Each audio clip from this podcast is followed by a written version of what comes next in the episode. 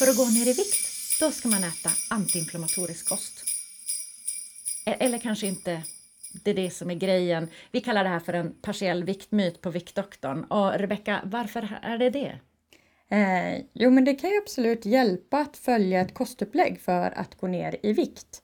Eh, däremot så vet vi ju inte om antiinflammatorisk kost är den mest effektiva. Eh, det de gjorde vid en väldigt spännande studie var att eh, man jämförde antiinflammatorisk kost och då tänkte de ut så här, det här borde vara liksom meckat, det här borde vara som antiinflammatoriskt bara går.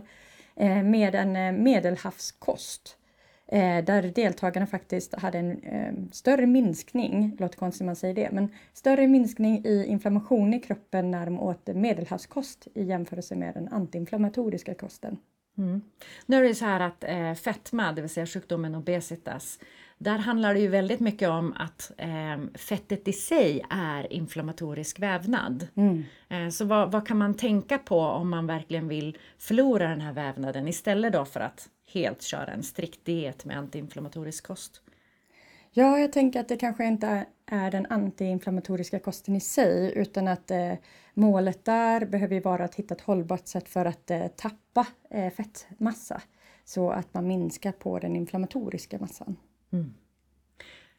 Tyckte att det är intressant när vi sitter och småpratar lite grann om de här viktmyterna? I sådana fall gå in på viktdoktorn.se. Där har vi både de andra avsnitten som vi redan har publicerat och du kan skriva upp det så du får ett mail varje morgon så du inte missar någonting. Eh, och eh, vi kör ju på hela vägen fram till jul så att vi ses imorgon igen, eller hur? Mhm.